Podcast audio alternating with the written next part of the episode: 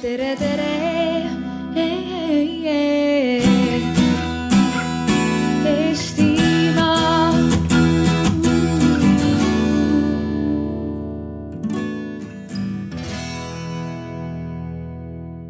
ma paluksin teid kohe alguses äh, orienteerida siis ennast, meid ja kuulajaid sellises üldisemas raamistikus ehk siis kuhu asetub selles pildis see, millega teie tegelete ja millest te tahate täna rääkida ja ma alustaksingi kohe Kristi sinust äh, ja Välispoliitika Instituudist, aitäh. ja aitäh, Ahto. Ähm, meil on tõesti erinevad äh, panelistid ja minu vaade inimõigustele on eelkõige rahvusvahelise poliitika eksperdi vaade. ja ma loodan, et me selle arutelu käigus jõuame avada seda laiemat äh, rahvusvahelise süsteemi olemust, et mis on need eeldused selleks, et üldse inimõiguste kaitse äh, oleks äh, võimalik, et sellega oleks võimalik tegeleda, et sellega saaks tegeleda iga inimene, et sellega tegeleksid riigid. ja miks me sellest peaksime rääkima? ma ise ka lugesin täna hommikupoole üle pika aja uuesti ÜRO inimõiguste deklaratsiooni ja leidsin, et see on ka täna veel igati ajakohane ja vajalik äh, dokument.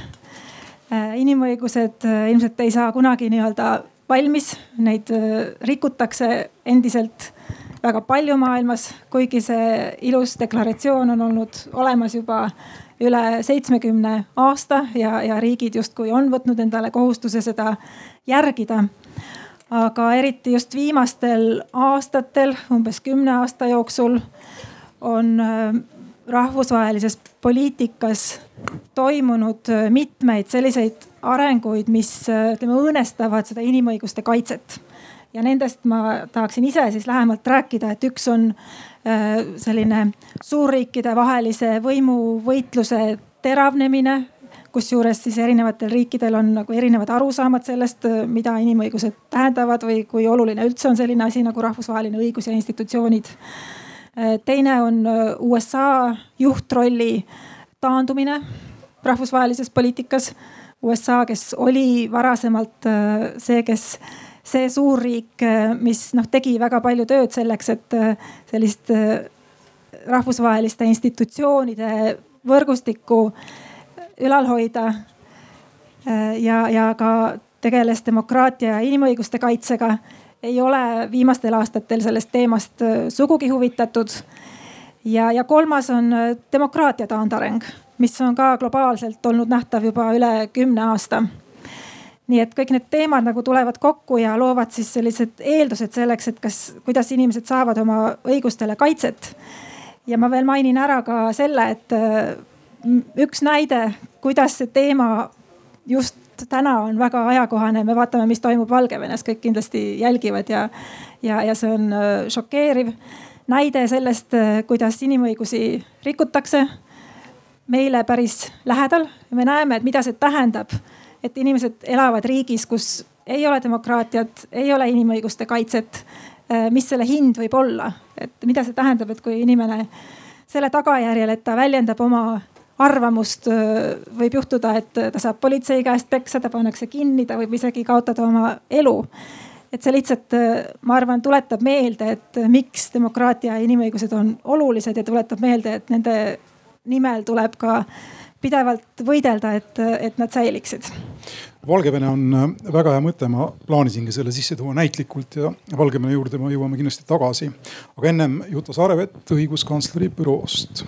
Äh, aitäh, et äh, kui siin jutt oli Valgevenest, siis mina Eestist väljapoole oma igapäevases praktilises töös inimõiguste mõttes nagu ühtpidi öeldes ei, ei mõtle, ei tegutse, et mina tegelen väga praktilisel tasandil Eesti sees, tegelen sellega, et äh, puuetega inimestel, see on vast see vastus äh, sellele küsimusele, kuidas, et, äh, et noh, see on ju elementaarne, et kõik on inimesed ja kõigil inimestel on õigused ja inimõiguste deklaratsioon seda ju ütleb.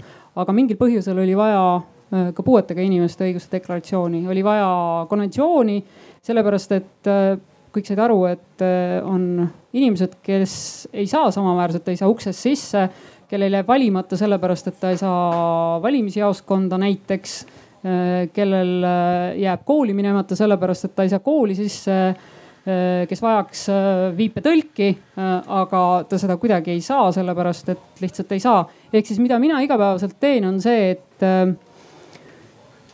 kasutades äh, kõiki võimalikke hoobasid, mis ametnikul on, äh, suhtlus äh, ministeeriumitega, suhtlus riigikoguga, mm, rääkida, kirjutada, kuulata. et jõuda selleni, et päriselt ka, et see, millega mina olen harjunud, mina ei mõtle enne valima minekut, et kas ma saan valimisjaoskonda sisse, aga ma ei mõelnud täna siia tulles või noh, ma ei oleks mõelnud siia tulles, et, et kas ma ikka saan siia tulla tegelikult nüüd ma mõtlesin, et ma valisin, millisest sissepääsust ma sisse tulen ja mõtlesin, et kui ma oleksin tulnud sellise hästi suure elektriratastooliga, kas ma siiski oleks ka sisse saanud. ja ma olen üsna rõõmus, mulle tundub, et oleksin saanud. ehk siis minu vaade on väga praktiline inimesena ma muidugi elan Valgevenele väga-väga kaasa aga et siit ma annaks sõna üle. suur tänu, Kelly Krostal, Eesti Inimõiguste Keskus. ja tere, et äh, ma arvan, et ma siis võtan äh, selle poole meie diskussiooni pealkirjast, mis jääb teisele poole.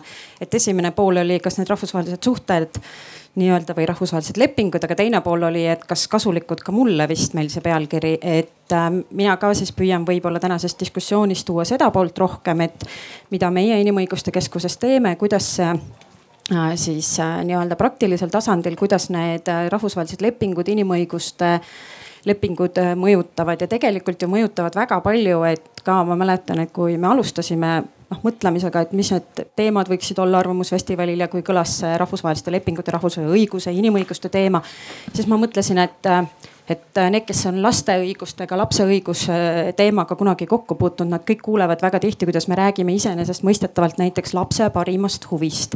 et äh, me kogu aeg räägime sellest mõistest, aga tegelikult ka see tuli ju nii-öelda e-, Eestisse, Eesti õigusruumi ja praktilisel tasandil samamoodi läbi lapse õiguste konventsiooni ja, ja noh, kui enne oli siin juttu just sellest, kuidas äh, siis äh, toimub praegu see jupiaar või selline perioodiline ülevaatus Eestile laiemalt inimõiguste valdkonnas, siis ka näiteks lapse õiguste valdkonnas me oleme iga siis samamoodi selles süsteemis ju osalenud ja teinud neid variraporteid ja andnud tagasisidet siis äh, nii riigile kui ÜRO-le, et mis seis meil on inimõigustega, seda väga praktilisel tasandil läbi meie töö, läbi nende pöördumiste, mis meie poole on, on tulnud. Ja nüüd me rääkisime muidugi rohkem sellisest äh, rahvusvahelisest tasandist, aga, aga eks ka tegelikult need inimõiguste alased lepingud, mida me oleme Euroopa Liidus sõlminud äh,, mõjutavad meid ju samamoodi väga palju meie töös ja Eesti on ju mõned asjad jätnud, pole veel üle võtnud, mis tegelikult oleks väga vajalikud ja ootavad väga ülevõtmist. et võib-olla me saame ka seda teemat käsitleda, eks siis paistab. suur tänu, kuna meil on nüüd nagu öeldud, selline väga seinast seina äh, kontseptuaalselt laiaplaaniline arutelu, inimesed, kes esindavad väga erinevaid vaatenurki äh, ja vaatepunkte selles, sellel maastikul, siis mulle väga meeldiks, kui äh, selle arutelu käigus, kui kellelgi teilt tekib küsimus või kommentaari soov, et annaksite märku ja ei ootaks tingimata ära seda viimast pool tundi või, või, või sarnast aega, mis on praegu plaanitud jätta küsimusteks saame näha, kas teil on see julgus, aga igal juhul interaktiivsus oleks teretulnud, oleks meil kõigil lihtsam, ma arvan, ka seda arutelu siin edasi viia. aga ma nüüd alustan nagu lubatud teatud mõttes juba sellise näitlikustamisega ja alustan kõige aktuaalsemast teemast, milleks on Valgevene. siis äh, ma küsiksin, Kristi, võib-olla sinu käest alustuseks seda, äh, et ütleme inimõigusi kui vaadata seda ÜRO ülddeklaratsiooni, inimõigusi, mida rikutakse on rohkem kui neid, mida ei rikuta, mulle tundub seal praegu. aga äh, minu jaoks intrigeerivam või huvitavam on küsimus sellest, kuidas Valgevene sarnased režiimid on üha no kes kuidas muidugi, aga on muutunud üha oskuslikumaks teatud õiguste tagamisega ehk siis sotsiaalse teatud mõttes eneserealisatsiooni, enese teostamise õiguste tagamisega, kindlustades inimesele töö ja palga ja noh, ütleme sellised hüved. Eh, on siis ära võtnud või on teinud lihtsamaks endale selle, et ära võtta neid eh, madala, kõrgema taseme õigusi ehk siis inimese osalemist riigi valitsemises, demokraatiat, tihti inimese õigust äh, kohtupida-, mis ta on siis õiglasele kohtupidamisele, inimese õigust isegi elule, neid on hukkunud juba Valgevenes. kas selline, ütleme siis inimõiguste mõte, mis võiks see sõna olla siis perversne tõlgendamine on midagi väga tänapäevast, on see midagi, mis sa arvad, et on, millega on võimalik võidelda meie tänases maailmas? ütleme, et kui Valgevenega läheks nüüd paremini ja, ja, ja kas sellele režiimile on võimalik rahvusvaheliste, mis see on, meetoditega siis nii-öelda aru pähe panna? ja no siin küsimuses oli mitu osa, et kõigepealt alustades sellest, et kas jah, on selliseid režiime, mis äh, tagavad inimestele teatud, ütleme, majanduslikud ja sotsiaalsed õigused, äh, toimetuleku. Ja selle hind siis võib olla see, et inimesed lepivad sellega, et äh, nende poliitilised õigused on piiratud, neil ei ole sõnavabadust, neil ei ole õigust koguneda, ei ole vabasid valimisi. ja selline sotsiaalne kokkulepe nii-öelda on töötanud aastaid mingil määral Valgevenes. Äh, see on töötanud ka mingil määral Venemaal, võib öelda, et see on töötanud Hiinas, nüüd sääsed ründavad mind. Ähm, aga ma arvan, et Valgevene on ka nagu näide selle kohta, et, äh, et äh, see ei ole võib-olla selline väga kindel moodus ühelegi režiimile oma sellist tulevikku tagada või enda kindlat tulevikku tagada. et noh, majanduse tsüklid tulevad ja, ja lähevad ja, ja Valgevenes ka üks äh, põhjus nüüd, miks inimesed on muutunud rahulolematuks, on see, et äh, majanduslikult neil ei lähe enam nii hästi. Äh, ja, ja siis võib tekkida selline moment, kus inimesed soovivad muutust, soovitakse vahetada võimulolijaid ja auto, autoritaarses süsteemis ei ole siis selleks muud võimalust, kui tulla tänavale protestida. Äh, ja, ja see, see võimalus on ikkagi siis inimestele väga ahvatlev, kui nad ei näe muud väljapääsu. et neid näiteid on väga palju maailmast äh, viimaste, ütleme kümne aasta jooksul, et inimesed on tulnud massiliselt tänavale selleks, et äh, nõuda äh, muutusi ja, ja vaatamata sellele, et nad teavad, et äh, sellele, selle tagajärjel neid võid panna, võidakse panna kinni, nad võivad isegi kaotada oma elu. aga nad ikkagi lähevad Valgevenes ka nüüd päev päeva järel inimesed lähevad tuhandete kaupa äh, tänavale. et, et, äh, et see selline selline lahendus, et jah, et tagame inimestele heaolu ja siis nad lepivad oma muude õiguste piiramisega, et see, see ei ole nagu väga selline jätkusuutlik lahendus. aga siis äh, tulles selle teise küsimuse juurde, et äh, mida selleks saab teha rahvusvaheliselt, et äh, sekkuda Valgevene taoliste režiimide tegevusse, siis noh, paraku me peame tunnistama, et ega mingeid väga tõhusaid meetmeid ei ole. Äh, ja see on äh, kogu rahvusvahelise õiguse selline nõrk koht. Et ähm, on väga palju norme ja reegleid, milles riigid on kokku leppinud. aga kui nad siis tegelikult ikkagi ei soovi nendest kinni pidada, siis ei ole olemas seda maailma politseinikku või maailma kohust, mis äh, suudaks seda neile nagu peale sundida. Äh, kindlasti ei ole see võimalik suurriikide puhul. aga isegi Valgevene taoline väikeriik, mis paikneb Euroopas, kus on veel nagu lisaks äh, ÜRO normidele on siis olemas ka Euroopa normid, millele nad justkui peaksid alluma. siis tegelikult ei ole rahvusvaheline kogukond või, või Euroopa institutsioonid ei ole suutnud nagu aastaid selle heaks suurt midagi ära teha, et seal inimõiguste olukord muutuks paremaks. nii et lõppude lõpuks see, see, milline on inimõiguste kaitse äh, see sõltub väga palju sellest, millises riigis inimene juhtub elama. Äh, demokraatlikus riigis on võimalused nõuda oma õigustele kaitset, on võimalusi tegeleda sellega, kui mõne rühma või, või indiviidi õigused ei ole kaitstud. Äh, aga kui inimene juhtub elama autoritaarses riigis, mis rikub inimõigusi, ähm, siis äh, need võimalused on väga piiratud.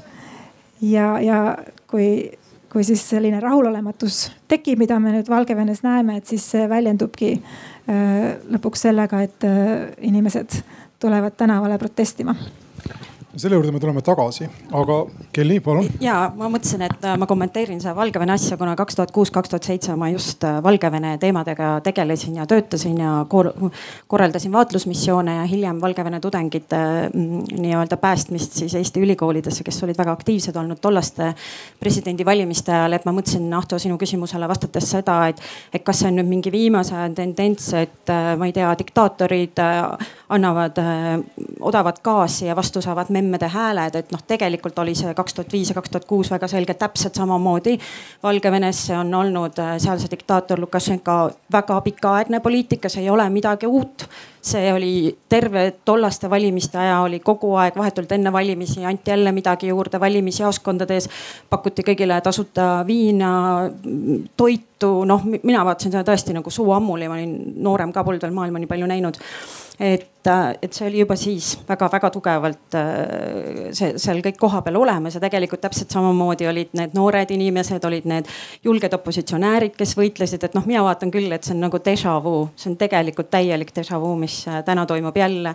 samamoodi demonstrantide, eks ole, peksmised, kõik asjad ja, ja Valgevene puhul ongi lihtsalt siis rahvusvahelisel tasandil ju see küsimus, et midagi pole teha, sest nad ei kuulu ka Euroopa Nõukogusse enam. et sul ei ole tõesti ühtegi mehhanismi, kuidas neid korrale kutsuda kutsuda, et, et kõik, mis tollal ju tegelikult saadigi teha oli ütleme selliste äh, vihaste demokraatide päästmine, mida siis tegi tollel ajal väga palju, eks ole, Leedu, tegelikult ka Eesti valitsus ju tasus kümne tudengi mm, õppimiskuludeks, et viidi üle siis, ma ei tea, kas te mäletate, tollel ajal ülikool Vilniusesse vist alguses, nii et noh, ja tegelikult Poola viidi üle need satelliiditelekanalid ja kõike, kõike, et, et võib-olla, mis ma ütleks, on täna teistmoodi, mulle tundub, et võib-olla siin on eksperte, kes saavad vastu vaielda. et Euroopa ja naabrite reaktsioon on minu meelest täna vaiksem ja mitte kohe nagu selliseid reaalseid lahendusi pakkuv, nagu tollel ajal ma küll mäletan, oli just need televisioonide üleviimine, nende tudengitele kohe nende õppekohtade pakkumine, aga võib-olla see on suvine aeg, ma ei tea. Ma lühidalt kohe ütlen veel Valgevene kohta, ma ise olen ka kunagi olnud seal valimisi vaatlemas ja äh, olen olnud kursis selle opositsiooni tegevusega. Aga mis täna on tegelikult teisiti, on see, et äh, täna need protestid on palju laiemapõhjalised. et midagi sarnast ei ole Valgevenes varem tegelikult kunagi nähtud. et äh, tulevad äh, tuhandete kaupa tänavale inimesed, kes kunagi varem ei ole olnud poliitiliselt aktiivsed, kes ei ole varem toetanud opositsiooni, kellel noh, puudub ka nagu selline valmisolek selleks, et mis need tagajärjed võivad olla ja siis on see eriti šokeeriv, kui nad märkavad, et äh, selle tagajärjel, et nad seisavad tänaval äh, ja neid seostatakse äh, meeleavaldustega, võivad nad või pandakse neid kinni ja piinatakse. et, et see muudab ühiskonnas tegelikult sellist meeleolu ja ilmselt on ka nii, et kui varasemalt Lukašenko oli Äh, üsna populaarne, tal oli ikkagi päris äh, laialdane toetus Valgevene ühiskonnas, siis täna seda enam ei ole. et ta on oma legitiimsuse kaotanud. ja tõepoolest, ma olen nõus, et äh, teiste riikide, Euroopa riikide lääne reaktsioon on olnud palju palju vaiksem kui võib-olla varasemate Valgevene valimiste ja protestide alla, allasurumise puhul. Aga lõppude lõpuks, mis on nagu otsustava tähtsusega, on see, mis toimub iga ühiskonna sees. et demokraatiat ei saa kuskile väljastpoolt äh, sisse juurutada, aga mida me Valgevenes näeme, on selline väga äh, ehe bottom-up protsess, kus inimesed äh, lihtsalt on nüüd saanud küllalt sellest äh, diktaatori juhtimisest ja, ja tahavad muutust ja see on muidugi väga hirmutav näide ka teistele äh, Äh, teistele, ütleme siis post-Sovjeti piirkonnas paiknevatele diktatuuridele või autoritaarsetele riikidele. see on väga huvitav teema, aga ma arvan, et me nihkume võib-olla natuke liiga kaugele enda sellest tuumteemast, mis ta on inimõiguse taga jah. Äh, ma mõtleksin ise siitsamast edasi, kuivõrd kuivõrd Valgevene asukoht Venemaa kõrval ja Poola ja Leedu kõrval mängib siin rolli ja kuivõrd, me tuleme võib-olla tagasi, ma tahaksin tagasi tulla inimõiguste kui sellise universaalse mõõtme juurde ja see tihti kipub vastanduma sellistes poliitilistes kontekstides ütleme siis rahvuslike, riiklike kontekstidega ehk siis mida väljaspool peale sunnitakse režiimidele, neid on, seda on suhteliselt lihtne ära tõugata kui võõrast mõju ja, ja, ja seda on ka tehtud ja seda tehakse, tehakse edukalt. vaadake Venemaad ja Hiinat. aga ma tahaksin tulla äh, äh Juta Saarevetti juurde tagasi äh, selles samas kontekstis, mis puudutab nüüd mitte võib-olla konkreetselt Valgevenet, mul on raske öelda, kuidas Valgevenes on puuetega inimeste olukorraga, aga küsimus, mis nagu laiemalt peab tõstatama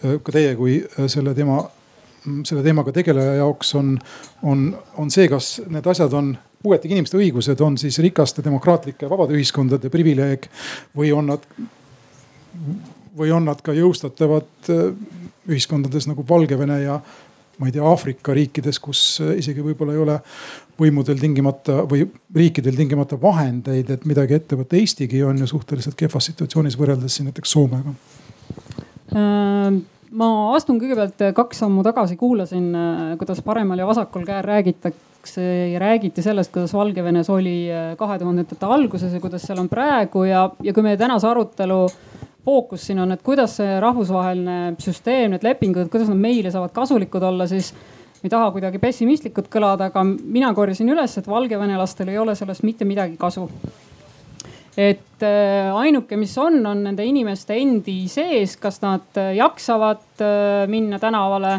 peksa saama ja surema või nad ei jaksa, kui neil see jaks otsa saab. et ega keegi neid väljaspoolt ei aita, mis sest need süsteemid on olemas. ehk siis tundus, et vastata sellele tänase arutelu teemale tuleks, et ei ole tast midagi kasu aga ise olen optimistlikum, et tulen siia väiksesse toredasse Eesti riiki, kus on sääsed ja päike ja, ja ilm on väga ilus.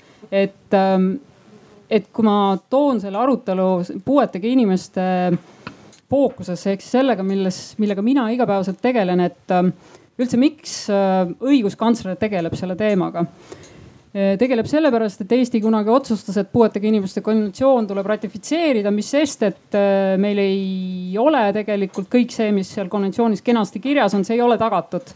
et no tõesti nagu primitiivsel tasandil, et proovige nüüd siia kes kust tuli siia Paidesse, mõned inimesed on Paidest ka, aga kui te proovite siit bussiga nüüd sõita oma kodukohta tagasi, et äh, siis enamusel see ebaõnnestuks, kui te oleksite tulnud näiteks ratastooliga või käimisraamiga või, või kahekohalise lastevankriga, ehk siis oleks teil kaksikud kaasas. ehk siis Eesti riik tegi sellise otsuse, et mis sest, et ei vasta äh, veel kõigele sellele, mis on kokku lepitud, aga ratifitseerime ja siis ükskord hakkame vastama ka. ehk siis Eesti riik tegi seda kinni kinnisidumise mängu nagu ühes kuulsas Eesti filmis, et äh, hinkus sidus iseennast kinni, et Eesti riik äh, lubas, et ma hakkan niimoodi tegema ja siis, kui Eesti riigil vahepeal tekib selline tunne, et ta tegelikult ei tee, siis kusagil Genfis äh, puuetega inimeste konventsiooni kontekstis komitee istub Genfis ja siis ta tuletab meelde, koputab Eesti riigi südametunnistuse peale, et kuulge, et päriselt ka, et te lubasite, et kõik inimesed saavad bussiga sõita, te päriselt lubasite, et kõik saavad arsti juurde kõik saavad hommikul minna tööle, äh, saavad minna valima. ja et palun tehke nüüd, ehk siis et miks, äh, miks päriselt ka mina näen, et see rahvusvaheline süsteem on vajalik, on see, et vahel riikidel endal saab julgus ja jaks otsa. ma saan aru, et Valgevenes ka mingil hetkel oli jälle julgust ja jaksu, siis kadus see ära, nüüd õnneks jälle tuleb. Äh, vaatame, kuhu jõuab aga et äh, rahvusvaheline süsteem on mingis mõttes ka riikide südametunnistus ja teised riigid väga palju ei pruugi appi tulla, aga, aga seestpoolt see aitab. Nüüd see küsimus sellest, et ähm, kas on võimalik äh, puuetega inimestel elada ja kas nende õiguste eest seista kusagil äh, maailma otsas, äh, mis ei ole Eesti, mis ei ole Euroopa, mis ei ole ka Ameerika, loomulikult on, et äh, konventsiooni ratifitseerisid no näiteks Soome siin viidati, et Soome ratifitseeris selle palju hiljem kui näiteks Nigeeria ja paljud-paljud Aafrika riigid. ehk see küsimus on selles, et sa annad mingi lubaduse, et sa hakkad kuhugi pürgima ja ju sa siis varem või hiljem sinna ka kohale jõuad et, ähm, et see oli see mõttekäik ja kusagil on äh, mingid sellised väikesed rakukesed kõigi riikide sees nagu Eestis siis õiguskantsleri juures. on inimesed, on ametkonnad, on äh, mittetulundusühingud, kes siis ütlevad sellele komiteele kusagile, et kuule, et meil ikka veel ei ole, et riik lubas, aga riik ei tee ja siis riik tuleb äh, mingi aja tagant puuetega inimeste konventsiooni osas riik esitas raporti äh, kaks tuhat viisteist, koroona tuli vahele, pidime minema Genfi juba märtsis, no läheme suure tõenäosusega oktoobris. et kus siis kuulatakse üle, et kuidas riigil läheb ehk siis ise annad lubaduse riigina ja siis sulle tun-, sinu südametunnistusele käiakse ja koputatakse, koputavad rahvusvahelised organisatsioonid ja koputavad kõik need mittetulundusühingud ja koputavad siis õiguskantsleri kantseleid erinevates riikides erineva nime alt. ma tahaks veel kommenteerida seda küsimust, et äh, mis on kasu rahvusvahelistest konventsioonidest ja, ja normidest ja, ja veel tulla selle Valgevene näite juurde tagasi, et tõesti, kui inimene täna saab Minskis politsei käest peksa, siis äh, rahvusvaheline õigus teda otseselt ei aita kuidagi. aga siiski ma ütleksin, et ka Valgevene taolise süsteemi puhul või isegi Hiina taolise süsteemi puhul on öö, äh, oma roll öö, äh, sellel, et on olemas mehhanismid, kus regulaarselt hinnatakse, milline on inimõiguste olukord riigis ja selle jaoks on olemas need ÜRO mehhanismid. Äh, seal on olemas metodoloogia, seda tehakse aastast aastasse. Äh, see on objektiivne või vähemalt püüab olla nii objektiivne kui võimalik. ja see annab mingi baasi äh, isegi kui sellel ei ole otseseid tagajärgi, siis ikkagi ta moodustab sellise konteksti, et need, kes võitlevad inimõiguste eest Valgevenes, neil on, millele viidata. Nad saavad öelda, et sellised normid on kokku lepitud. Valgevene on ka ühinenud nende ja nende konventsioonidega. me nõuame neid õigusi.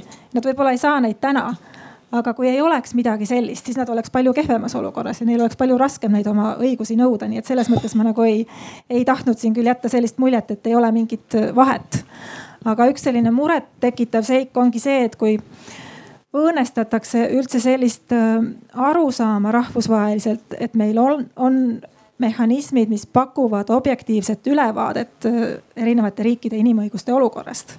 et see on üks selline viimaste aastate areng, mida on näha ja isegi Euroopas. et, et riigid, kellele siis see kriitika ei meeldi, äh, mida nende vastu suunatakse lihtsalt äh, väidavad, et äh, see on alusetu või see ei ole objektiivne või, või see nagu ei kohusta meid millekski, kuna see on lihtsalt vale. et see, selle vastu siis saabki töötada seeläbi, et ikkagi Eesti-sugune väikeriik näiteks, et, et osaleb aktiivselt nende institutsioonide ja mehhanismide tegevuses ja, ja ütleme, püüab omalt poolt näidata, et need on relevantsed ja, ja need on usaldatavad institutsioonid. Ma tahtsin veel kommenteerida, et äh, selle peale, et noh, kogu aeg tuleb raporteerida, et ei tasu nagu alahinnata seda ebamugavustunnet, mis on selle diktaatorriigi ametnikul või, või juhil või kellel iganes, kes peab kuskil jälle õigustama ja ütlema, et nad valetavad. et see juba näitab, et see süsteem on vajalik, et kui, kui need diktaatorriigid tegelikult proovivad seda süsteemi maha teha, et kui see oleks ebaoluline või noh, ütleme otse välja mõttetu, siis nad ei vaevuks. ehk siis ainuüksi see olemasolu et sa saad öelda, et oi, need seal valetavad, süsteem ei tööta. et kui see oleks ebaoluline, siis nad ei pööraks tähelepanu, räägiks hoopis teistel teemadel. Ma tahaksin selle süsteemi sisu juurde tulla, aga enne kui ma sinna tulen, ma küsiksin Kelly Krostal sinu käest.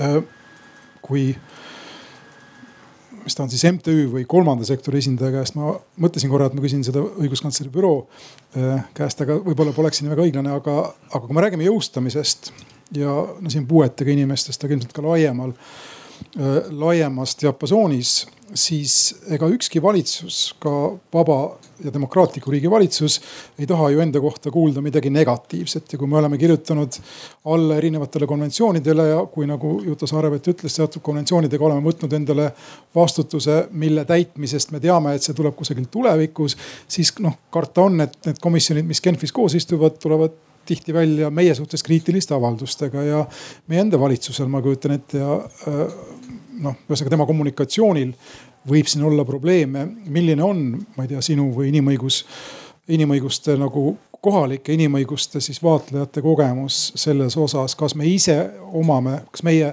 nii-öelda riik omab seda julgust, riigi julgust, et, et, et endale nagu, mm, mis ta siis on endale otse öelda ja ka avalikkusele otse öelda, mis veel puudu on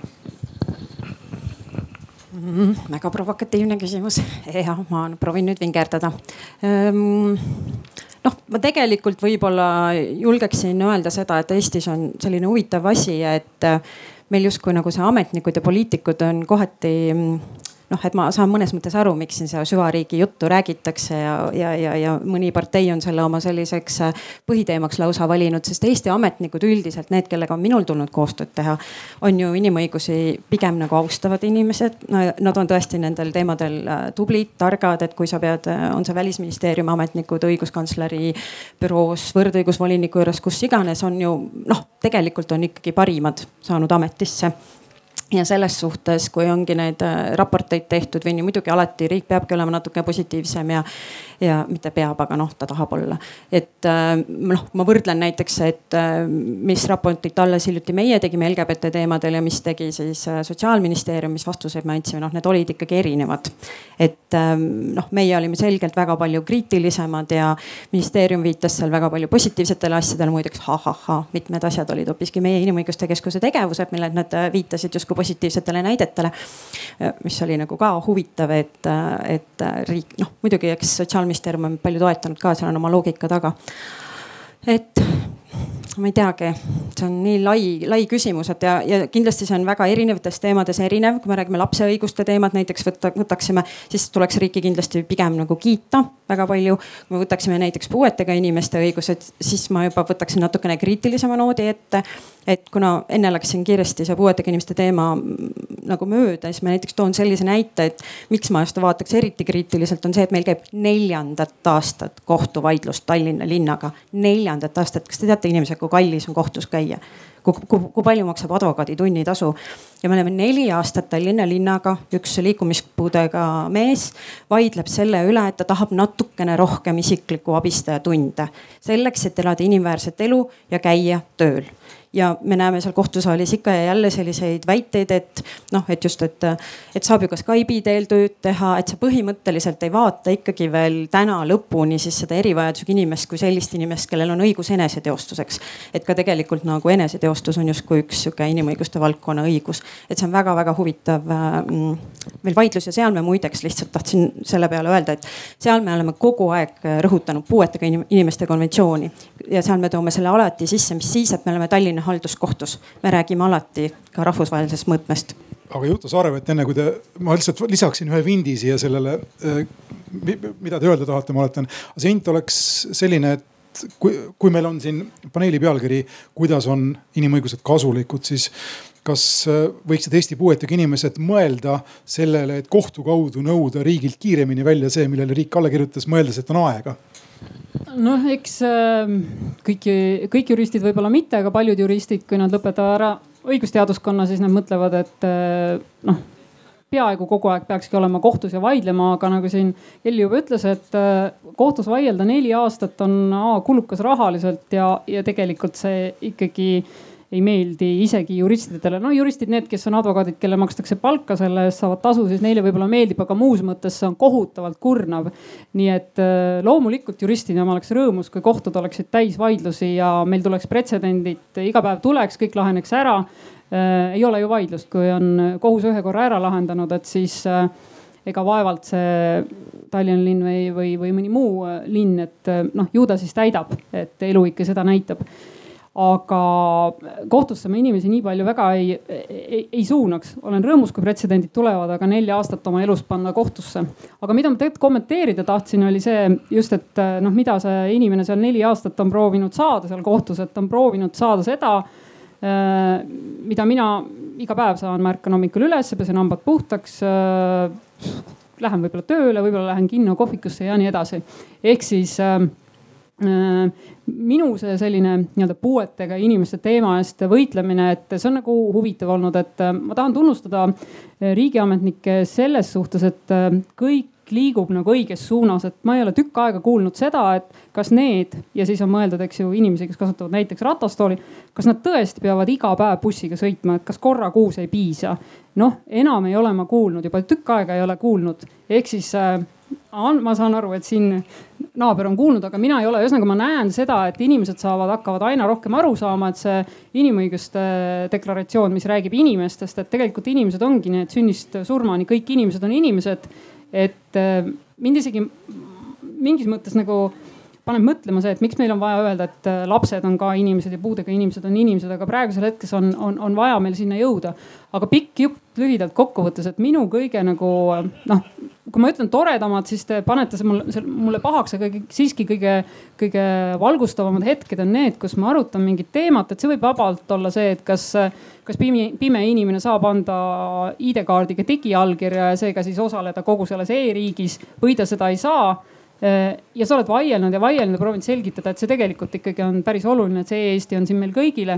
ja siis tuleb keegi projektijuht ja räägib, et vot mul juhtus selline asi, et ma kukkusin mõlemad käed katki, olid kipsis ja siis, ja siis ma sain aru, et ma ei saagi nende sõrmedega seda kolme klahvi kombinatsiooni vajutada.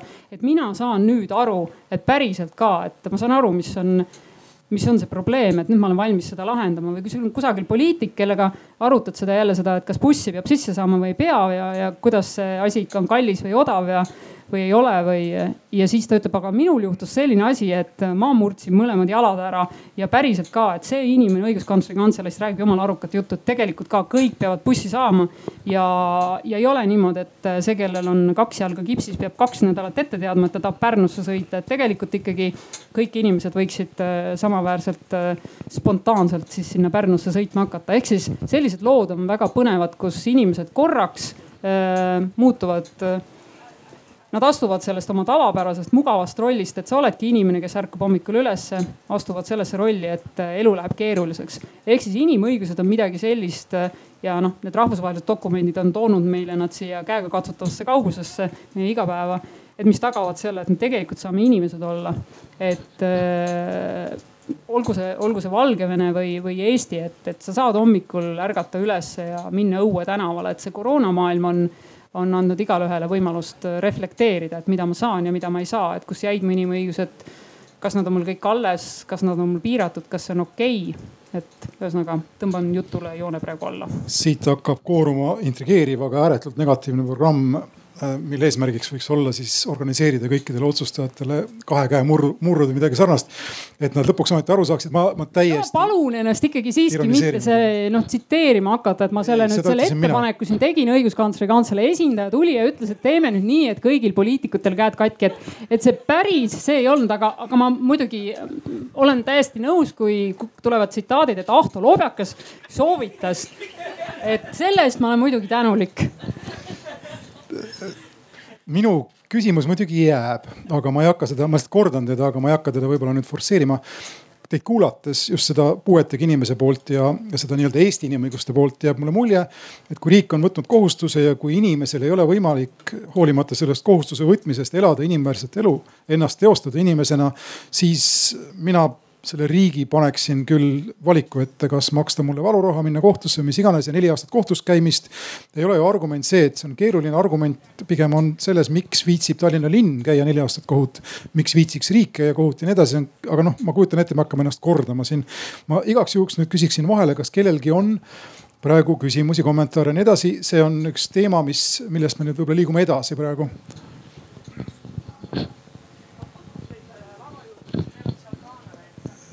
kõik pilte on vaja teha jah. Ehm, aga palun öelge ka, kes te olete, enda nimi.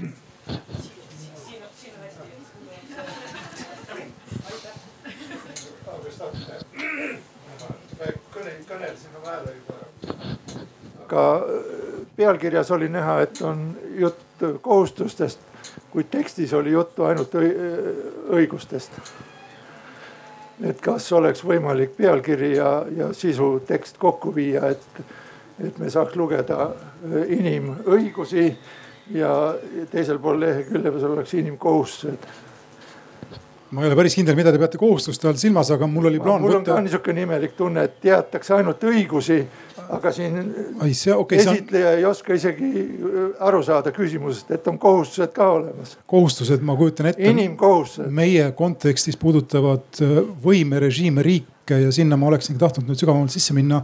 Eestis me räägime ikkagi realiseerimata õigustest, äh, mis inimestel on, kuna riik on ennast kuulutanud tsiviliseerituks tsiviliseeritud riik on see, et õigused on ainult süüdimatutel ja süüdivatel on ka kohustused õigustele lisaks. ma kujutan ette, te tahate tuua meile mõne näite, palun tooge. no tahangi, et meil ei oleks võrdsete õiguste, vaid võrdsete õiguste ja kohustuste volinik. aga mis kohustustest te tahate rääkida? inimkohustustest. no näiteks. pange sinna õigustele juurde. õigus selleks, kohe õigused ja kohustused peavad olema tasakaalus inimesel ja vastama inimese võimekusele nii, ma arvan, et me võtame teie konstruktiivse kommentaari teadmiseks. ma võin vastata tegelikult, see ei ole väga raske vastata, selles mõttes, et kohustused Palun. on mingis mõttes olemas küll, et kui me võtame kasvõi sellesama see sõnavabaduse, et tegelikult äh, on omad piirid ja meil on kohustus nagu austada samamoodi noh, noh me võime öelda, et sõna on täiesti vaba, aga sõna ei ole ka seaduste järgi tegelikult täiesti vaba. meil on kohustus näiteks austada seda, et teine kuulub mingisse teise rahvusvähemusse. meil, meil on keelatud õhutada vaenu, see on keelatud, see on kohustus mitte seda põhimõtteliselt nagu teha, et et noh, ei saa öelda jah, et nüüd on ainult õigused, et tegelikult Eesti põhiseadus, needsamas, et seal on mitmeid ka kohustusi, mis inimesel tekivad. samamoodi me ei või sekkuda, eks ole, teise inimese eraellu, tema privaatsfääri, et seda võib ka niimoodi laiapõhjaliselt tõlgendada, mina arvan küll et kunagi ilmuvad siis inimõigustele lisaks ka inimkohustused. Te peate, vaatate minu poole, aga peate riigi poole vaatama e. Eesti valitsus peab selle ära tegema. võib-olla selle teine nimi on seadused, inimesel on kohustus äh, pidada kinni seadustest. ja, aga miks me siis ainult pool, pooltest seadustest räägime? nii, suur tänu, aga ma tahaksin äh, liikuda edasi ja korraks torgata vahele ühe provokatiivse teema, mis viib, viib meid natuke tagasi ajalukku. võib-olla, et see ei leia siin vastukaja üldse ja te äh, ei kommenteeri seda eriti, aga mind huvitab äh, Eesti enda ajalugu, kus me siin paarkümmend aastat tagasi olime õiguste osas vaatluse all, oli selline mees nagu Max van der Stoel. esindas äh, noh organisatsiooni, mille nimi täna on Euroopa Julgeoleku ja Koostöö Nõukogu siis oli see vist midagi muud, natukene OSCE on inglise keeles. ja Eestil oli väga raske aktsepteerida siin äh, seda kriitikat ja see teema, mille ma tahaksin üldisemalt siin tõstatada korraks, on seesama vähemuste teema. see tundub meile tihti äh, utreerituna või kunsti, kunstlikuna selles mõttes, et õigused on ju inimestel. aga ma ütleksin, et ka maailma praktika näitab, et poliitilisel tasandil on vältimatult õigused olemas ka gruppidel, inimkooslustel. kui on tekkinud sellised konflikti või äh, ütleme noh mittenõustumissituatsioonid. Eesti on nüüd sellest muidugi edasi liikunud, aga mulle vähemalt kunagise välisajakirjanikuna tundub, et ka Eestis on veel kohti, kuhu võiks ajakirjaniku pilguga vaadata kui keegi väljaspoolt viitsiks vaadata. küsiksin Kelly võib-olla sinu käest, kuivõrd see teema on üldse aktuaalne täna? Mul korraks äh, nägin ühte tuttavat, korraks läks mõte kuidagi temaga sinna ära, väga vabandan. Äh, äh, ta lehvitas lihtsalt nii intensiivselt. et, et kui palju on siis tegelikult ma võib-olla, kui tohib, tulen korraks tagasi selle äh, Maxi juurde. et äh, ma ei teagi, mis need aastad olid, üheksakümmend kaks, üheksakümmend kolm, üheksakümmend neli, millal ta siin käis. kuni äh, üheksakümnendate lõpuni ei olnud. et, et see on nii huvitav, et sellest on justkui väga palju aega mööda, möödas, aga ikka ja jälle ma alles mäletan, eelmise aasta suvel oli Viinis, see on siis FRA, Euroopa Põhiõiguste Ameti mingisugune õhtusöök. esimene asi, kuidas üks ameeriklanna, üks jurist istub mu kõrvale ja tuleb ja küsib, et kuidas, mis te nende venelastega seal ikkagi täpsemalt teeme teeme, teete, et kas te endiselt diskrimineerite neid, et kas nad elavad ikka veel kuskil getos? Ja neid on nii palju tulnud läbi aastate, et kui on Eesti inimõigused kuidagi ühes lauses, siis tegelikult see kodakondsuse ja, ja, ja vene päritolu inimestega, siis see teema on tegelikult siiamaani, see on asi, mida Eesti puhul mäletatakse, mäletatakse vähemalt nendes seltskondades, kes kuidagi inimõiguste valdkonnaga ühel või teisel viisil on seotud ja see on tegelikult kõik siis ka selle härra tegelikult ju tollel ajal äärmiselt häälekas töö, mida ta tegi, et ta tegigi kriitikat tegelikult ju kogu aeg ja ja, ja noh, ma olin ise nii noor, ma ei mäleta seda, aga ma olen aru saanud läbi nende hilisemate kogemuste, kui, kui jõuliselt ta seda tegi ilmselt siis Eesti suhtes. et mm, aga kuidas siis täna on, kas sa mõtlesid rohkem, et kas meie ise teeme teiste riikide suhtes kriitikat või? ei, ma mõtlesin seda, kas Eesti on kritiseeritav näiteks vähemuste õiguste rindel, mis on ka omaette õigused, ka omaette on konventsioonid vähemuste õiguste jaoks mm. -hmm ma ei teagi, mis teie arvate? ma võib-olla ütleks seda, et, et äh, Eesti inimõiguste olukorda ju on põhjalikult analüüsitud ja hinnatud erinevate rahvusvaheliste institutsioonide poolt. ja see, et Eesti omal ajal pääses Euroopa Liidu liikmeks, on võib-olla kõige parem tõend selle kohta, et siin ikkagi tegelikult mingeid süsteemseid suuri probleeme inimõiguste rikkumisega ei olnud ja, ja kogu see noh, vene vähemuste teema, muidugi me võime selle üle palju vaielda, et, et mis see nagu olukord on ja mida seal annaks paremini teha riigi poolt. aga kui me võtame sellised nagu inimõiguste baasnormid, et, et siis ei ei ole tegelikult nagu rahvusvaheliselt enam äh, Eesti kohta esitatud aastaid sellist kriitikat, et, äh, et Eesti nüüd rikuks neid norme, mis ei tähenda seda, et, et vähemuste äh, olukorras nende tingimustes ennast teostada ühiskonnas, et seal võib olla nagu puudujääke. aga see on natuke teine teema kui see, et kas Eesti rikub inimõigusi või vähemuste õigusi. et see on nagu hea näide selle kohta, kuidas kuidas kogu seda inimõiguste teemat ka mõned riigid siis äh, on kasutanud äh, vahendina sellise äh, teiste riikide ründamise vahendina, et, et, et Venemaa puhul ei saa öelda, et seal oleks kodumaiselt väga palju hoolimist inimõiguste, inimõiguste suhtes. Venemaa on riik, kus neid rikutakse laialdaselt aga see ei ole sugugi takistanud Venemaad kasutamast siis inimõiguste teemat selleks, et, et kritiseerida, rünnata teisi riike võib-olla tooksin siis näite hoopiski äh, selle kohta, et kas Eestit saaks nagu kritiseerida, et kui me vaatame inimõiguste valdkonda laiemalt, eks ole, lepingud ja kõik. aga teine asi ju, mida rahvusvaheliselt alati vaadatakse ka seda, et kuidas riik käitub äh, tema siis territooriumil olevate tegutsevate inimõiguste eest seisjatega. ehk et inimõiguste igasuguste organisatsioonidega, on see seal puuetega inimesed või on see tõesti näiteks meiesugune Eesti Inimõiguste Keskus, äh, naiste õigustega tegelev feministeerium ja nii edasi. siis tegelikult te ju mäletate, mis umbes kuu aega tagasi toimus äh, Eestis nagu kolme põhilise inimõiguste organisatsiooniga. et äh, see tegelikult see rahastamise ründamine, selle täiesti ilma ette teatamata nagu mitte väljamaksmine on tegelikult üks näide, mida ma arvan küll võiks kritiseerida ja võiks pikalt nagu kritiseerida. sest üks asi on see raha, aga teine oli selle kõigega kaasnenud äh, retoorika ikkagi tänase valitsuse tasandil. me ei räägi, et keegi kuskil Raplas midagi ütles, ma ise olen Raplast, ma võin seda kasutada. et, äh, et noh, et tegelikult ja, ja, ja tegelikult oli sellel ajal ka üsna intensiivne välismeedia huvi meie vastu ja välismeedia tõesti tahtis teada saada, et kuidas see on võimalik ja mida teiega tehti ja mida see teie jaoks nagu tähendab.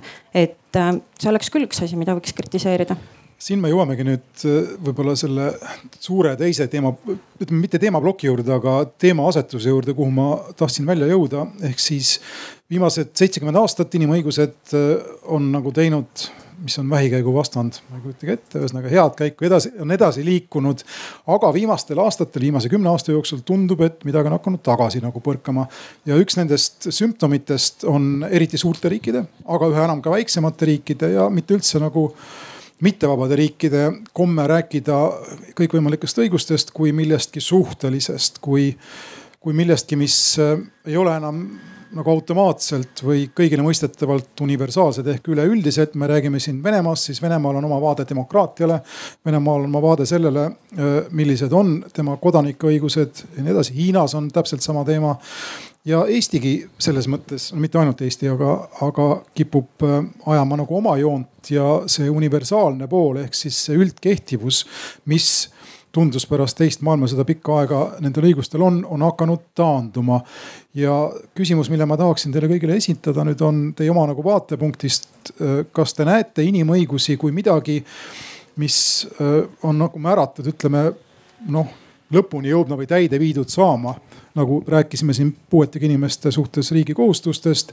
varem või hiljem on kõik puuetega inimesed nagu puudeta inimesed ja laiemalt siis inimõigused on varem või hiljem äh, peavad olema kättesaadavad kõigile, sõltumata sellest, kus nad elavad ja nii edasi. Äh, või te näete või on teil pragmaatilisem vaade asjale ja inimõigused ikkagi sõltuvad sellest, mida erinevad riigid on nõus tegema ja keegi neid sundida ei saa ja ei peagi hakkama saama alust-, alustaksin siitsamast sinust, Kristi. no kõigepealt, kui nüüd vaadata, ütleme umbes viimase kümne aasta arengut, siis see on olnud negatiivne. et inimõiguste olukord on keskmiselt maailmas muutunud kehvemaks ja see on lähedalt seotud sellega, et demokraatia on teinud taandarengut, nii et tingimused siis inimõigusi kaitsta on, on nõrgenenud paljudes riikides demokraatlikes riikides on, on toimunud seda arengut, et on tekkinud uusi piiranguid näiteks meediavabadusele, sõltumatutele kohtusüsteemidele erinevates riikides. Ehm, aga ka siis sellistes riikides, mis on noh, ütleme poolautoritaarsed või autoritaarsed, et, et need inimõiguste rikkumised on, on veelgi lisandunud. ja, ja see rahvusvaheline mehhanism, mille läbi neid saab kaitsta Äh, see on ka tugevama surve all kui, kui varem ja varem ma ütleks, et äh, noh, selline idealistlikum ja, ja võib-olla kõige parem aeg ajalooliselt äh, universaalsetele inimõigustele oli pärast külma sõja lõppu. aga mida me näeme nüüd siis jah, lääneriikides paljudes on toimunud selline ühiskondlik polariseerumine mis puudutab siis ka inimõiguste temaatikat, me näeme seda väga selgelt äh, Eestis ja just seesama näide inimõigusorganisatsioonide rahastuse kohta äh, näitab väga hästi, et milleni see võib äh, välja viia. ja, ja ma ütleks, et lääneriikide puhul üks selline viga, mida liberaalid on teinud, kes noh, soovivad kaitsta inimõigusi on, on see, et, et on võib-olla liiga palju nihkunud äh, arutelu inimõiguste üle nagu suhteliselt väikeste vähemusrühmade peale, et see fookus on läinud liiga palju nagu vähemusrühmade peale. Et mitte, et see ei oleks oluline, et, et ka vähemuste õigused on kaitstud, aga siis on kuidagi ära kadunud see asja tuum, et mida tähendab äh, liberaalne arusaam inimõigustest ja liberaalne demokraatia et, et äh, lisaks sellele, et vähemuste õigused on kaitstud, see tuum ikkagi on see ja eeldus, et oleks vähemuste õigused kaitstud, on see, et meil üleüldse on see nagu äh, vundament on paigas, et meil on äh, vaba meedia, et meil on sõltumatu kohtusüsteem.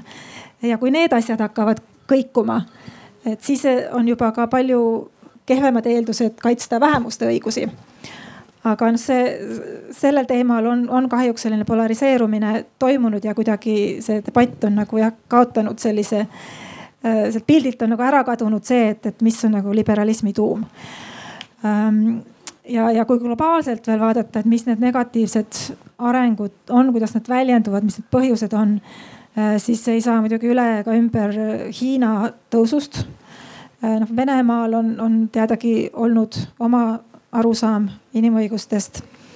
aga viimastel aastatel järjest rohkem on näha ka ÜRO äh, organisatsioonides seda, kuidas Hiina kasvatab oma mõju ja väga oskuslikult kasutab ära seda olemasolevat äh, ÜRO struktuuri ja, ja tegeleb sellega aktiivselt, et äh, paigutada näiteks hiinlasi või, või, või Hiinale Äh, lähedasi riikide, lähedaste riikide esindajaid äh, erinevatesse ÜRO organitesse ka inimõiguste teemal. et nagu mõjutada neid protsesse, et äh, mida ÜRO-s tehakse, kuidas see inimõiguste hindamine ja kuidas ekspertide valimine, kuidas see kõik toimub. et niimoodi tasapisi siis tuua Äh, säilitada need struktuurid, selline nagu raamistik, aga tuua sinna sisse siis sellist nagu oma väärtussüsteemi ja oma arusaama sellest, et äh, milles näiteks inimõigused üldse seisnevad. ja väga konkreetne näide on siis uiguuride kohtlemine. Hiina on pannud mitu miljonit uiguuri vähemuse esindajat ähm, laagritesse ja sunnitööle ja, ja neid äh, piinanud. aga Hiina väidab, et äh, tegemist on äh, terrorismivastase võitlusega ja deradikaliseerimise tegevusega ja lääneriigid, kes Hiinat kritiseerivad, on, on üldse nagu lihtsalt poliitilistel põhjustel teevad seda. et, et äh, noh, see on nagu lihtsalt üks, üks näide sellest, kuidas rahvusvaheliselt selline inimõiguste normistik mureneb ja milline surve millist survet Hiina tekitab nagu selle suhtes. no kas siit ei kooru küsimus just sellest, et inimõigused on kohased ja tunnustatud ühiskondades, kus on sõltumatu meedia, kus on sõltumatu kohtusüsteem, kus võimud on lahutatud, kus on demokraatlikud valimised ja riikides, kus selliseid asju ei ole, ei ole ka inimõigustele loomulikku kohta ma siin mingis mõttes nagu äh, diletandina astuks ja kommenteeriks, mulle tundub, et äh, jah, et äh, kui me siin alustasime Valgevenest ja, ja jutt oli sellest, et mida see nii-öelda rahvusvaheline üldsus ja need erinevad lepingute süsteemid, kõik see keerukus või lihtsus, et kuidas see seda inimest seal Valgevenes väiksema või suurema linna tänaval aitab ja kuidas see tema elu aitab parandada, et kokkuvõttes mulle tundus, et me jõudsime selleni, et ikka iga inimene, iga rahvas, ta peab ise äh, pingutama. Ja kui ta ise pingutab, siis võib-olla keegi teine tuleb appi, ehk siis see ongi see, et ise pingutada, et sul on olemas need süsteemid, et sul on see ajakirjanik olemas, et keegi on see ajakirjanik, kes siis, siis tänapäeval ju on võimalik olla vaba ajakirjanik ka, ka mittevabas riigis, et internet lahti kinni saab keerata, aga see on nii palju keerulisem. ehk siis mulle tundub, et äh, ühtepidi suured süsteemid, aga kõik taandub sellele, et, äh, et see üks inimene, mina, et äh, kuidas mina kas ma lepin sellega, kuhu ma olen sattunud või ma astun kaks sammu edasi, kas ma näitan üles julgust.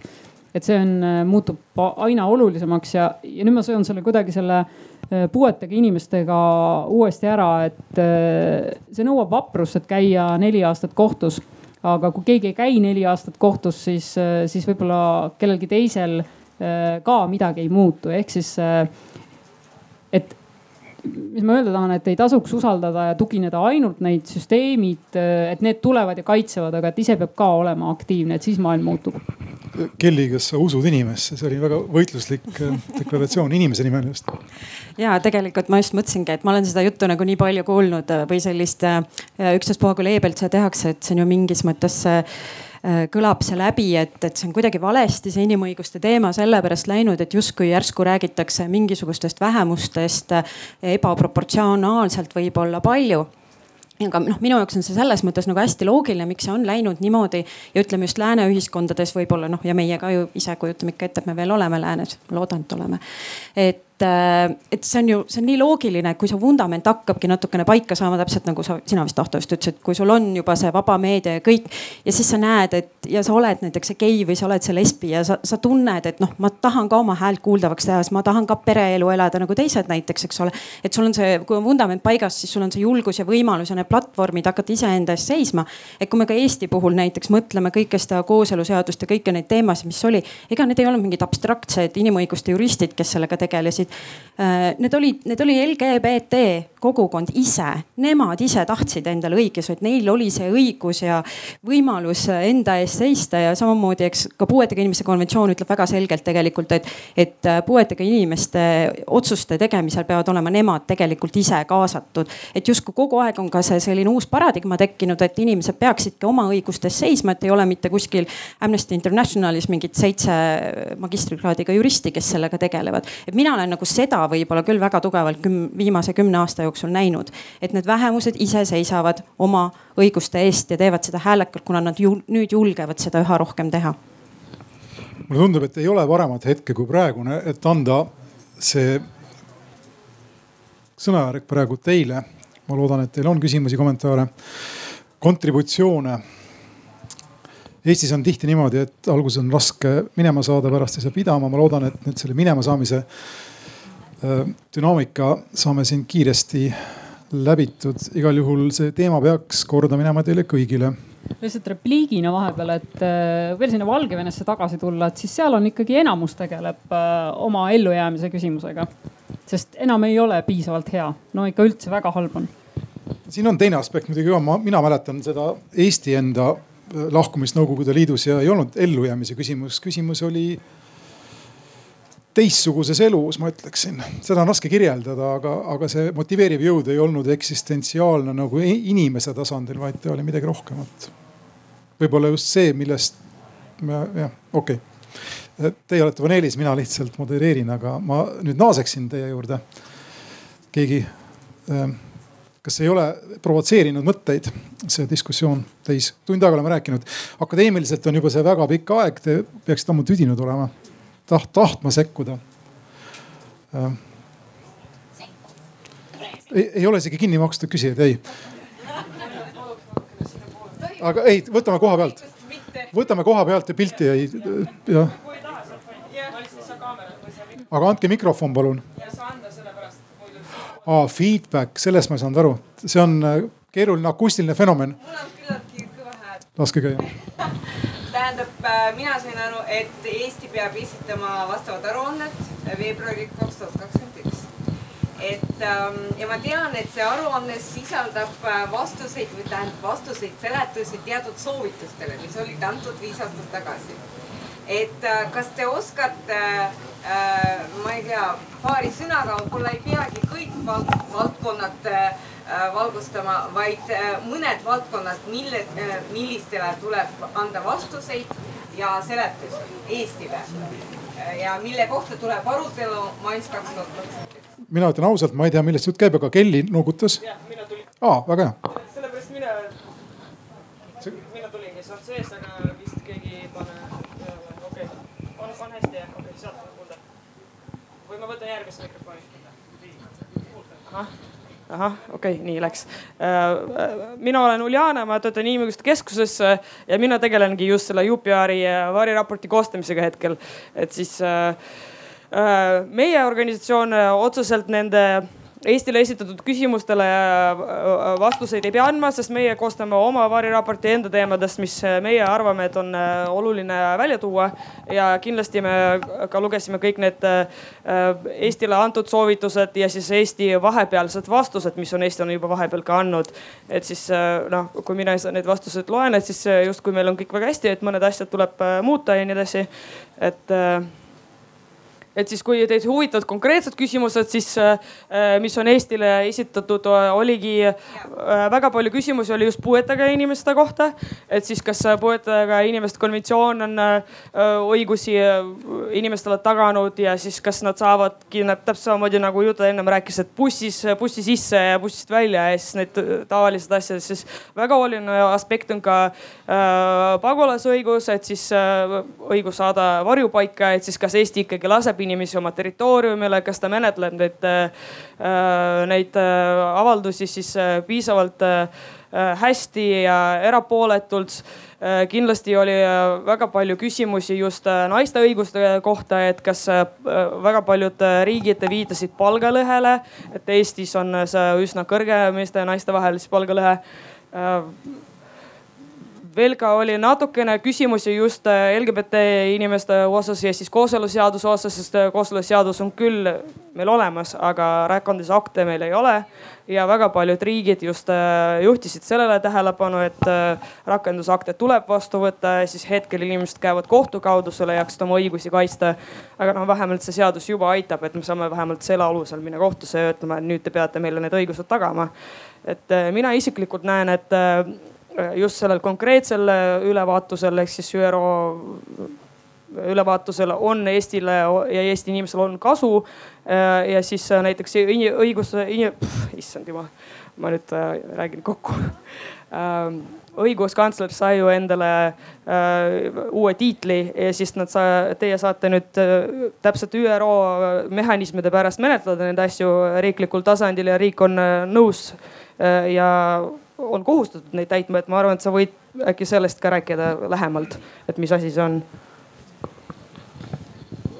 et äh, lihtsalt äh, jah, et õiguskantsler sai endale kaks uut rolli, et üks on äh, seotud äh, inimõiguste, ühesõnaga kaks sammu tagasi, et mida õiguskantsler üldse teeb, et õiguskantsler äh, Eestis vaatab seda, et ametkonnad ei teeks inimestele liiga, et ametkonnad püsiksid seaduse raames ja siis noh, meie see A ja O on põhiseadus, et üldiselt me ei kujunda poliitikat, aga, aga sisuliselt on antud meile nii inimõiguste, laste õiguste kui puuetega inimeste õiguste valdkonnas väike selline peaaegu et poliitika kujundamise meede, et meile öeldakse, et me võime edendada ehk siis äh, see oli see, millest viide, ehk siis kui me näeme, et kusagil on mingi murekoht, et siis me saame tegutseda selleks, et see murekoht üle läheks, et see ära parandatud saaks.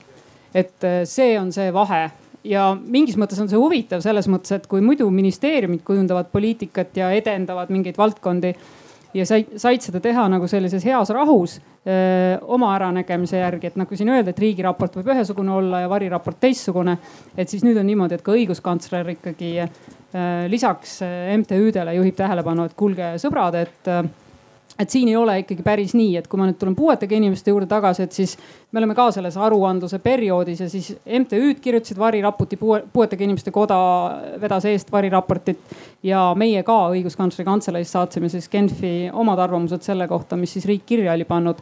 ja need küsimused ja ettepanekud, mis riigile tehakse, et äh, nendes on väga oluline roll selles, mida Eestis öeldi nendes variraportites. Äh, ehk siis äh, see süsteem toimub nagu sihuke suur äh, ratas tervikuna, et äh, riigi sees olevad inimesed, see üks inimene, ta näeb muret, ta annab sellest murest õigesse kohta teada, siis see õige koht ehk siis suur rahvusvaheline organisatsioon ÜRO annab siis riigile teada, et kuulge, teil on seal mure ja siis riik hakkab seda muret lahendama, et niimoodi ta, niimoodi ta käib, ehk siis äh, jah, õiguskantsler sai rollid juurde ja mingis mõttes õiguskantsler annab, toetab nagu seda mittetulunduslikku sektorit sellega, et äh, ei ole vaja taotleda raha hasardist ja võib-olla saada või mitte saada, et õiguskantslerile on nagu selline suveräänne rahavoog tagatud, et äh, siiamaani pole keegi öelnud, et see tuleks ära võtta, sellepärast et me tegeleme inimõigustega.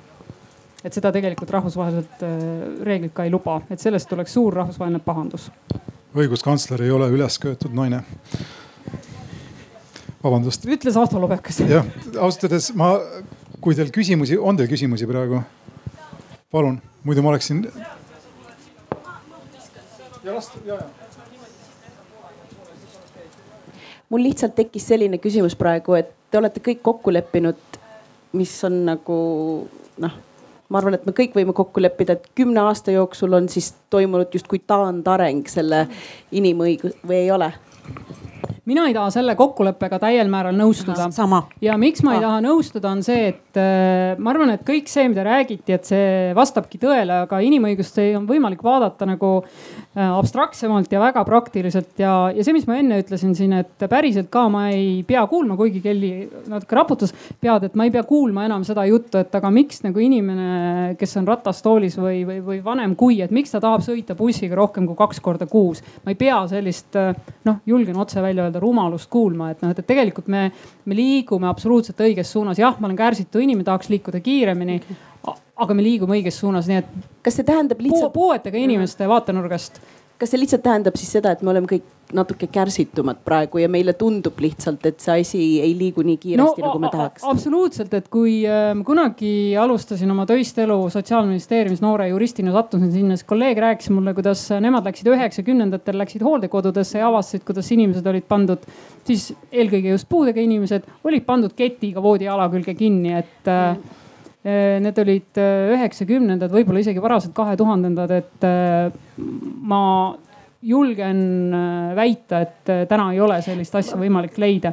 ehk siis see, kust me tuleme, me kipume seda, jah, me oleme kärsitud, me tahame kõike seda, mis meil on ja seda, mis meil veel pole, seda me tahame jube kiiresti, sest tundub meile normaalne me näeme, kus mujal maailmas võib-olla on midagi paremini, me tahame, et see on äh, mitte täna või homme siin, me tahame, et oleks olnud juba eile. aga, aga siis ma küsin teistmoodi, et kas teile tundub, et see noh, see vastupanu siis inimõigustele on nagu valjemaks muutunud või kas me jälle ka lihtsalt seda ette kujutame? Korrigeerige mind, kui ma eksin, aga te küsite laiemalt, eks? võib-olla ma pakun Kristi. laiemalt ja, ja.. ma tahaks nüüd siia vahele öelda seda, et äh, mina olin see, kes rääkis siin äh, taandarengust äh, kümne aasta jooksul ja ma jään küll nende sõnade juurde sest et seda näitavad erinevad rahvusvahelised hinnangud ja analüüsid et globaalselt keskmiselt vaadates demokraatia ja inimõiguste olukord maailmas on muutunud kehvemaks aga kui me räägime konkreetselt Eestist, äh, siis needsamad analüüsid näitavad, et Eestis on olukord päris hea ja ei ole läinud kehvemaks.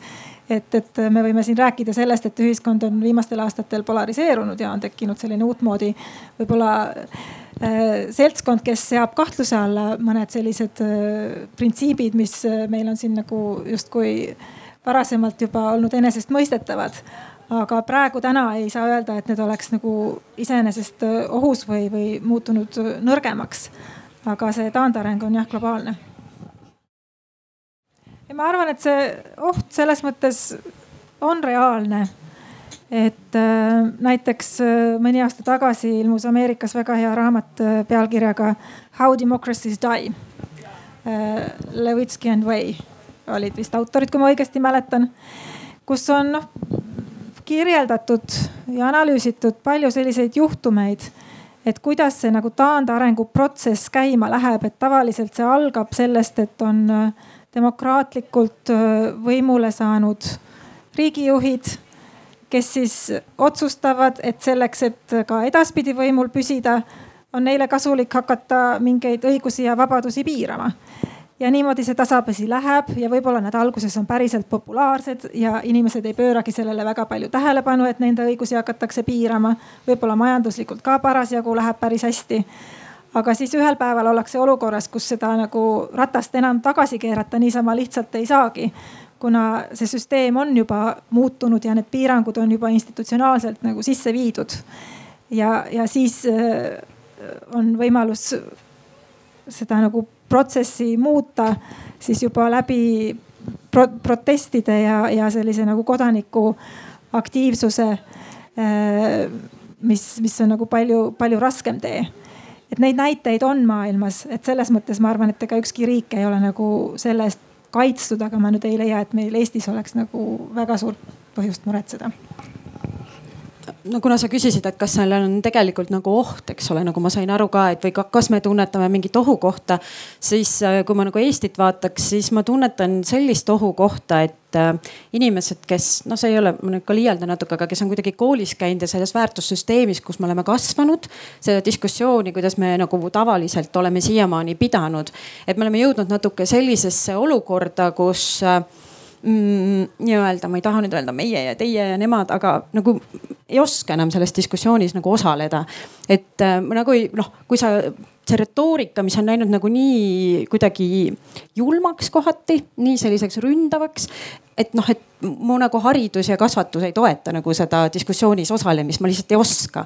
et ma näen, et seda on väga palju nagu teistel ka, kes inimõiguste valdkonnas või või äh, vabaühendustes, et me oleme harjunudki, et me viitame, eks ole, mingisugustele faktidele, me, me, me ei hakka rääkima niisama ainult mingit juttu, sest me ei ole näitlejad, vaid äh, me, me tahame tõenduspõhisust nendes diskussioonides. aga need diskussioonid inimõiguste teemadel on läinud lihtsalt nii emotsionaalseks, et seal oleks kõigepealt vaja, et käid lavakas ära ja siis nagu hakkad kuidagi ka selles diskussioonis osalema. et vot ma näen selles ohtu, et inimesed, kes võiksid sõna võtta, enam ei võta nii palju sõna, inimesed, kelle puhul ma tean, et neil on nii palju teadmisi teadmisi, et osaleda. et ja noh, mul hakkab natuke et nagu ma ei tea, et kuhu see nüüd edasi läheb, et ma ise näiteks olen Inimõiguste Keskuses kümme aastat kõigist vanem, peaaegu kõigist. ehk et äh, kuidagi nagu see minu põlvkond enam selles inimõiguste ja ma ei ole väga vana, uskuge. et äh, nagu enam ei osale ja vot siin ma näen küll seda ohtu, aga noh, muidugi ma näen ka siin on meil üks äh, noor kohe istub, kes teeb neid diskussioone hoopis kliimateemadel ja muudel teemadel, et, et ma usun nagu noortesse, et kui ka eile need protestiaktsioonid olid, eks ole, Poola toetuseks, LGBT toetuseks, me nägime, et need olid väga noored inimesed tegelikult, kes olid tänavatel. aga noh, et kuidas me nüüd selle aja siis nagu üle elame, et justkui vahepeal on mingi põlvkondlik katkestus või et noh, vot siin ma ei tea, see on, aga see on sihuke väga kummaline ja teistmoodi olukord ja seda ma natuke kardan. see põlvkondlik katkestus on väga huvitav ja oluline motiiv siin, mulle tundub. on kellelgi ma küsin lihtsalt, et kas see oli enesetsensuur, millele sa viitasid? no põhimõtteliselt küll enesetsensuur pluss see, et sul reaalselt ka ei ole oskusi nagu sellises lärmavas avalikus diskussioonis nagu osaleda, päriselt ka ei ole. mind on kogu aeg mitu korda kutsutud või minu kolleeg, et tule nagu väitle tema või sellega, aga noh, oskaks küll rääkida, mis on inimõigused ja asjad, aga mul nagu just see, see nõuab mingit tohutut emotsionaalset äh, ülesköetust, mida siis ei ole nii palju. ehk siis mingis mõttes äh, noh, diskussiooni huvides, et see on nagu ka loobumine ühest sellest peamisest õigusest, et sõnavabadusest ja et me ise anname ära mingeid õigusi, sest me lihtsalt ei suuda, ei jaksa, ei taha mõned kindlasti, aga noh, ma vaatan ikka, et noored oskavad ja tahavad ja lootus on suur. emotsiooni küsimus on ka üks väga huvitav moment kolmkümmend aastat, nelikümmend aastat tagasi, kolmkümmend aastat tagasi seesama Eestisse Valgevene oli kantud suuresti emotsioonist, eks. inimesed väsivad ka. kui on endiselt vaikus, siis üks mõte, mis mulle pähe torkas, kui ma kuulasin siin mitu ringi tagasi äh, seda juttu ÜRO äh, ülevaatusest, mulle tuli meelde, et me kõik oleme siin sellepärast, et me räägime ühest, noh suhteliselt sellepärast, et ÜRO mis ta on siis, ülevaatus on käimas, kaks tuhat kakskümmend üks on siin tähtaeg. ja räägime ÜRO-st nagu oleks tegemist kõige süütuma asjaga üldse. ja ei mäleta, et siin kusagil mis võis olla, üheksa, kaksteist kuud tagasi oli juttu ÜRO migratsioonistrateegiast ja oli üsna selge, et ÜRO on viimane asi, millega Eesti tahab ennast seostada, et see ÜRO nurk nagu tekitas must küsimuse kas, kas ÜRO ei ole midagi, millega seotust on, millega seotusest on mõtet üldse teie tööd tehes nüüd pigem vaikida, et toob ainult halba või, või on see juba möödunud nähtus? Mulle tundub, et ÜRO ei ole Eesti inimeste silmis veel sellist negatiivset kuvandit saanud. ma, Uljana võib paremini öelda, kuna ta on maakondades käinud. aga kui ma ka ise olen teistel teemadel, mulle tundub, et me ikka veel usume et ÜRO on selline mm, rahvusvaheline organisatsioon, mis päriselt ka seisab selle eest, et maailmas oleks rahu ja, ja rahu on ikkagi midagi, mida, mida Eesti inimene sügavalt väärtustab ja hindab. ja, ja kõik need meie küüditamised ja kogemused, pidev, eks ole, idanaabri hirm, et see on minu subjektiivne arvamus, aga ma arvan, et ÜRO ei ole kindlasti koll, millega hirmutatakse ja tegelikult ei ole Euroopa Liit ka. Eesti inimesed usaldavad Euroopa Liitu, enamik Eesti inimesi kas teie usaldate ÜRO-d, Euroopa Liitu?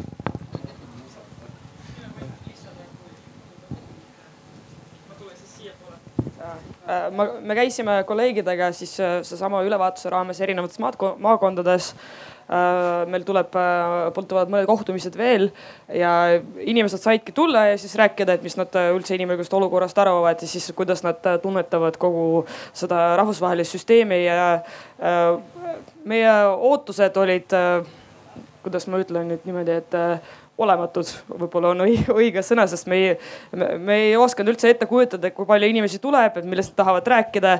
ja siis, äh, kui erinevates maakondades äh, inimesed hakkasid meiega rääkima nendest teemadest ja tuleb välja, et need inimesed vähemalt, kes meie juurde tulid äh,, nemad nägid selles väga suurt potentsiaali. Nad kindlasti, nad rääkisid oma lood ära, siis ütlesid, et see ei puuduta ainult mind, see puudutab teisi, see kindlasti on vajalik äh, rahvusvahelisele areenile tuua. sest kui seal öeldakse, siis siin tehakse ka, et see oli see, mis äh, rääkisid meile need inimesed, kellega meie oleme kohtunud Pärnus Saaremaal siis me käisime Narvas ja siis nüüd meil tuleb, me läheme isegi Rõugesse, et siis me läheme hästi kaugele ka, et, äh, et meile jäi arusaam, et inimesed ikkagi äh, väga hästi saavad aru, et siis rahvusvahelised suhted ja rahvusvahelised organisatsioonid on hästi olulised meile, eriti meile Eestis, kui me oleme hästi väike riik et üksinda sa kunagi ei tee midagi ära, et sul on vaja alati kedagi teist, kes aitaks sind ja viiks sind kiiremini ja edukalt edasi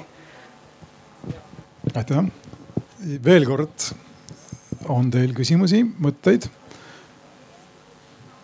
või pean ma ise teemat arendama? väga hea, palun.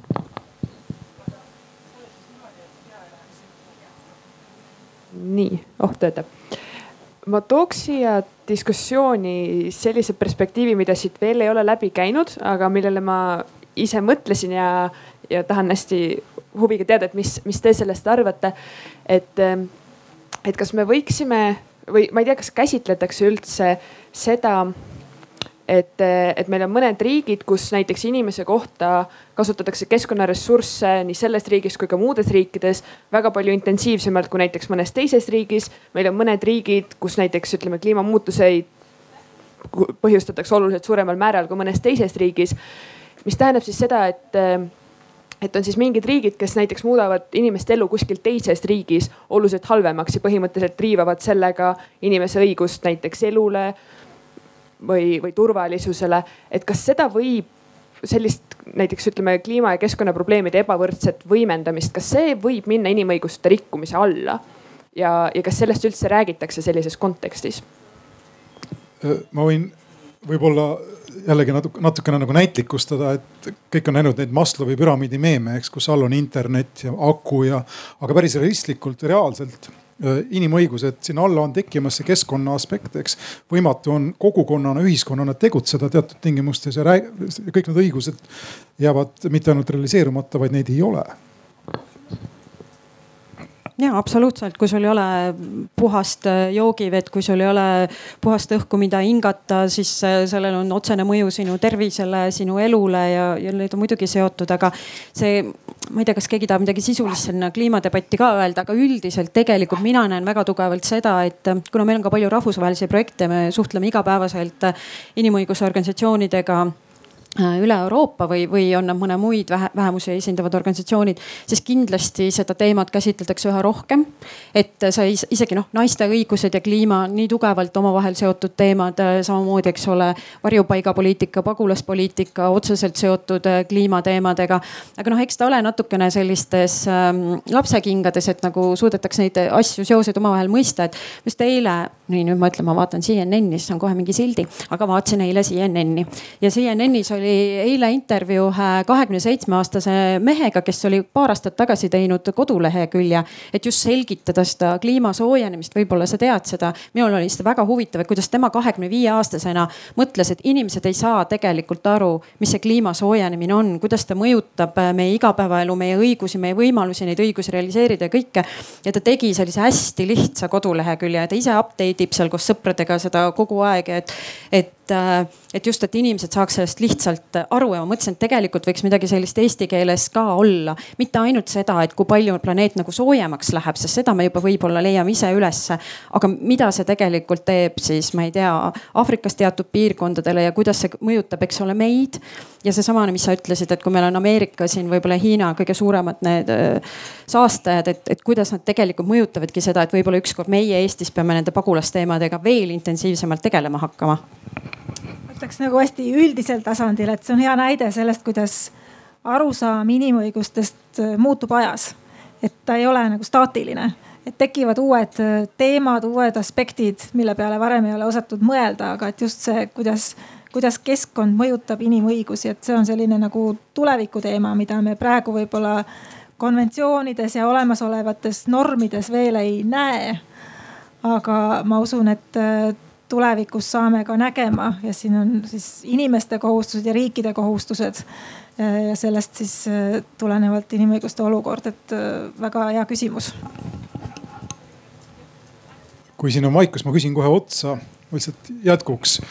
Kas äh, siin ei ole see põlvkondade vaheline erinevus väga selgelt näha, millele Kelly viitas? et need rohelised õigused, ütleme keskkond ja, ja vähemuste õigused, LBGT on asjad, mis lähevad väga korda noortele, aga ei lähe üldse korda, mulle tundub, või lähevad vähe korda vanematele inimestele. ja inimõiguste enda nagu kontseptsioonis on toimunud sihuke lõhestumine. ma lihtsalt, ma jäin korraks mõtlema, kas ma olen see vanem või noorem, aga, aga ma mõtlen, et äh, võib-olla ma saan jube hästi seal kuskil keskel, et äh, äkki see on selline, et see ei ole küsimus noored, vanemad, vaid et äh, mina olen harjunud üles ärkama hommikul, päike tõuseb, õhk on puhas, mets on, puud on, kõik on nagu olemas, et ma ei pea selle teemaga tegelema. see on nagu see, noh, see on lihtsalt olemas, mis tähendab seda, et ma võtangi järgmised teemad et võib-olla see noh, et see tuues nagu nooremad inimesed, et võib-olla nemad on piisavalt palju näinud seda, et mingites kohtades enam ei ole olemas. ehk siis sa pead hakkama tegelema teemadega, mis ei olnud teemad äh, võib-olla kakskümmend aastat tagasi sinu isiklikus väikses maailmas. ja kokkuvõttes, et mis minu jaoks on hästi huvitav inimõiguste vaatest, on see, et kui me toome kliimapilti, siis äh, seal ei ole enam see, et kas on üks kuri diktaatorriik kusagil või et kas keegi rikub oma inimeste õigusi ja siis teised riigid peavad minema appi, karistama, mida iganes, vaid seal on see, et tegelikult on mingi, mingi jõud, mille nimi on ähm, loodus, kliima, millega tegelikult ongi võimalik äh, tegeleda ainult siis, kui kõik tegelevad koos, et see on kohutavalt põnev, et kui koos ei suuda, siis tegelikult noh, siis ongi noh, siis on mõnes mõttes, ma ei tea, kuidas öeldakse, arvutimängude lõpus game over see ongi võib-olla üks hea koht, kus keskustelu lõpetada sellise keskmise vaatepunktiga, mis ei ole ei ühes äärmuses ega teises äh,. igal juhul mulle tehakse ka rahvusvaheliselt mõistetavaid žeste selle kohta, et meie aeg on ümber äh,. ja ma tänan teid kõiki selle väga huvitava diskussiooni eest, eriti muidugi paneliste, Kristi Raik äh,. äh mul on nüüd see on see otse, Juta Sarvet. Ja Kelly Krostal, see on otse-eetri needus ja mina olin Ahto Lobekas, veel kord suur tänu